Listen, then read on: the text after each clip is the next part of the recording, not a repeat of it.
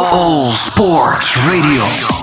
Ja, afgelopen weekend was het tijd voor de 23e speelronde van de Eredivisie. En elke maandag werpen we dan een blik op de scheidsrechters. En dat doen we met Mario van de Ende. Wat is hem opgevallen? En wie mag zichzelf bij VAR de beste scheidsrechter van de week noemen? Mario, een hele goede middag. Goedemiddag. Ja, ik dacht dat het op zich wel een uh, goed weekend was. Zonder uh, nou ja, arbitraire opvallendheden. Maar toen moest de wedstrijd tussen Utrecht en Vitesse nog komen. Uh, gefloten door Van Lindhout. En hij had zijn handen vol aan die wedstrijd. Hè? Wat is jou allemaal opgevallen daar? Nou, daar, ja, zullen we daar gewoon even mee eindigen? Dan ga ik eerst oh, wil, wil je daarmee eindigen? Oh nee, ja, la, laten we daarmee eindigen. Wat zijn andere dingen die jou zijn opgevallen? Ja, een, een, aantal zaken die, uh, ja, die, die gewoon even arbitraal natuurlijk eventjes even voor het voetlicht gehaald moeten worden. Ja. Allereerste wedstrijd Willem 2 Ajax. Daar gebeurde eigenlijk niet zo gek veel. Alleen werd er een nee. doelpunt van, van Tadic afgekeurd wegens buitenspel. De VAR die kwam toen weer met het, het lijnenspel, laat ik het zo even noemen. Ja. En toen zag je duidelijk dat voordat Tadic een doelpunt scoorde, dat Anthony ja, een, een teennagel buitenspel stond. ja, dan krijg je gelijk weer de discussie van is dit nu weer waarvoor die VAR is uitgevonden, weet je wel. En, en, dan zeg ik altijd, maar ja, we hebben ook afgesproken dat buitenspel, ook al is het dan maar een teennagel buitenspel is. Dus dan moeten we hier even niet over zeuren. En uh, dat doelpunt werd dus in ieder geval in mijn optiek uh, terecht geannuleerd. Goeie keuze. Uh, ja, zeker. Uh, FC Groningen, dat was ook een situatie, de stand was 0-1.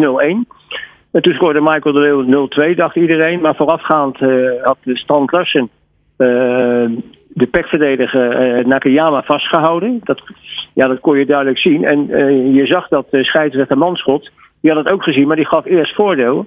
Uh, en toen werd het doelpunt gescoord. want, ja, en toen floot hij af. En toen zei hij dat er dus inderdaad dat vasthouden. Ja, en in mijn optiek was het gewoon handiger geweest als hij direct had afgefloten. Want nu wachtte hij dus het VAR-oordeel af. Hè, eigenlijk, ja. En die bevestigde het.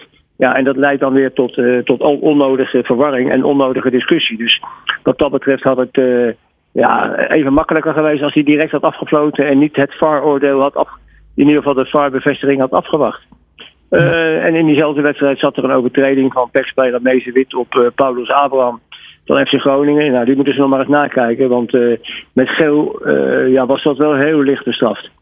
Nou goed, en dan komen we even op die wedstrijd die jij net al aanhaalde in de inleiding van FC Utrecht tegen Vitesse. Ja, uh, het begon met uh, twee goede voorbeelden waarvan je zegt nou, dit, uh, dit is goede arbitrage. Dat was een rode kaart voor een elleboogstoot van een moeilijk uitspreekbare naam Kribic van Vitesse, die, die Mike van der Hoornvelde van FC Utrecht. Ja, hij kwam dus er net in en tien minuten later mocht hij er weer vanaf met die rode kaart. Ja, dat was een rode kaart. Ja, en dan heb je dus uh, ook nog een keer dat het terecht een doelpunt uh, voor buitenspel uh, via de VAR ingreep werd afgekeurd van Openda. Ja, ja, toen kreeg je, daarna kreeg je echt nog de grootste flaten in mijn optiek van, ja, van, het, van dit seizoen. En dat is, het, ja, er was een, het overduidelijk vasthouden van Willem Jansen van de Openda, de aanvallen van Vitesse in het strafschopgebied. Ja. ja, dat vasthouden dat werd niet bestraft door scheidsrechter Allard Lindhout. Hij werd naar het scherm geroepen door de VAR, in dit geval Cleo Dupetti. Een, uh, ja, een rookie scheidsrechter die uh, eigenlijk uh, alleen op keukenkampioen-divisie actief is.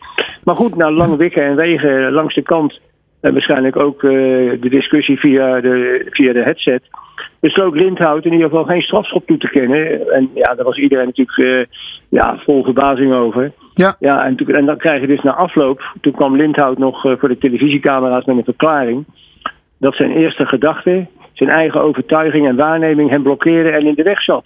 Precies. Dan denk ik, ja, dat is voer voor, uh, voor sportpsychologen. Want je verwacht natuurlijk niet op eredivisieniveau dat een scheidsrechter hier nog problemen mee heeft. Want die beelden die zijn natuurlijk overduidelijk. En dat zijn eigen, zijn eigen visie hem in de weg zit. Ja, dan denk ik heel gek voor ook iemand die ook alweer een jaar met een zogenaamde FIFA-badge op zijn borst loopt. Dat betekent dat hij dus ook internationaal regelmatig actief is.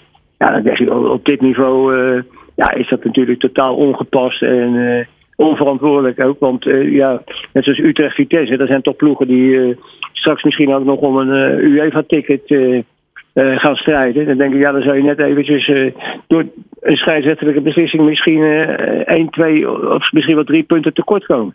Ja, en dat, dat kan natuurlijk op het hoogste niveau kan dat, kan dat gewoon niet. Nee, inderdaad. Uh, nou, best wel een, uh, een, wedstrijd waarin veel is gebeurd. Die, die VAR-situatie dus met een penalty. Ook is de wedstrijd uh, twee keer nog zelfs stilgelegd. vanwege supporters van Vitesse die dingen op het ja, veld gooiden. Dat, dat, was natuurlijk heel terecht. Dat was natuurlijk absurd. ja. ja, als je met, met, met, met, met die vuurwerkbom en die rookbom op dat veld gaat gooien. Dus dat levert gewoon heel, heel gevaarlijke situaties op. Ja, dat waren dan weer, weer goede keuzes. de, de directeur van Utrecht die zegt we moeten strenger fouilleren. Heb jij er nog een mening over of zeg je dat daar ga ik me niet aan branden? Nou ja, het, het, lijkt me logisch dat, dat als mensen ja, dit soort vuurwerk uh, het, het, ja, laat ik het zo zeggen, het, het stadion binnen kunnen smokkelen, laat ik het zo maar even noemen. Ja, ja dan denk ik dat betere, betere fouillering in ieder geval op zijn plek is. Ja, ja, ja hij gaat het inderdaad uh, nou ja, uh, bespreekbaar maken bij, uh, bij de KNVB. Dan was er nog iets wat mij opviel bij de wedstrijd van Feyenoord tegen Cambuur. ik had er zelf nog nooit van gehoord. De witte wissel, maar hij blijkt te bestaan. Het is een soort pilot van de KNVB. als een speler een hoofdblessure heeft, dan mag hij vrij gewisseld worden. Gebeurde bij Cambuur, bij de spits. die maakte daar gebruik van een nieuwe regel dus. Hoe, eh, hoe kijk jij daarnaar?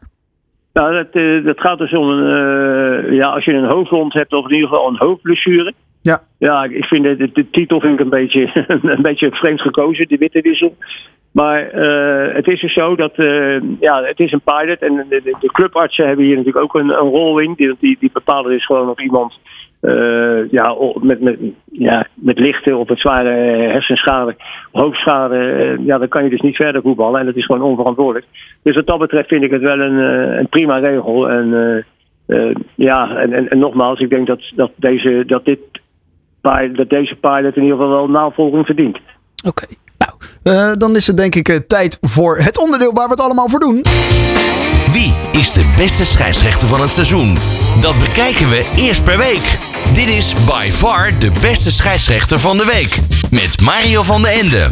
Wie mag er aan de taart vanmiddag? Wie is de beste scheidsrechter van de week? Nou ja, dat is, uh, deze week is dat dan Paul van Boekel. Die uh, ja, eigenlijk vrij eenvoudig door, door Willem 2 Ajax ja, heen liep. zeker als je het vergelijkt met een aantal van zijn collega's die die af en toe 6, 7, 8 gele kaarten nodig hebben in uh, ja, op het oog vrij eenvoudige wedstrijden. Dus ja, Paul van Boekel, wat jij zegt, sturen jullie hem een taart toe, dus dan ja. dat is prima. Ja, laten, laten wij dat inderdaad gaan doen. dan wil ik toch nog even van Lindhout. Lindhout was vorige week de beste scheidsrechter van de week. staat hij nu onderaan het lijstje te bungelen of was het zo slecht nog niet? Nou, ik geloof dat, uh, dat er daar al genoeg uh, worden over velden gemaakt. Okay. En ik denk dat hij uh, dat, dat de komende weken in ieder geval even na kan denken. We, ja, op, op, zijn eerste waarneming en, en, zijn gedachten en nog steeds in de weg zitten. Want dat, ja, daar moet echt even aan gewerkt gaan worden. Want ja, wat ik al eerder zei, op eredivisieniveau is dit niet gepast. Nee, nee, oké. Nou, hij kan de beelden terug gaan kijken. ik wil je voor nu bedanken, Mario. En we spreken je uiteraard volgende week weer. Oké, okay, mooie uitzending verder. Dag. Dit is by far de beste scheidsrechter van de week. All Sports Radio.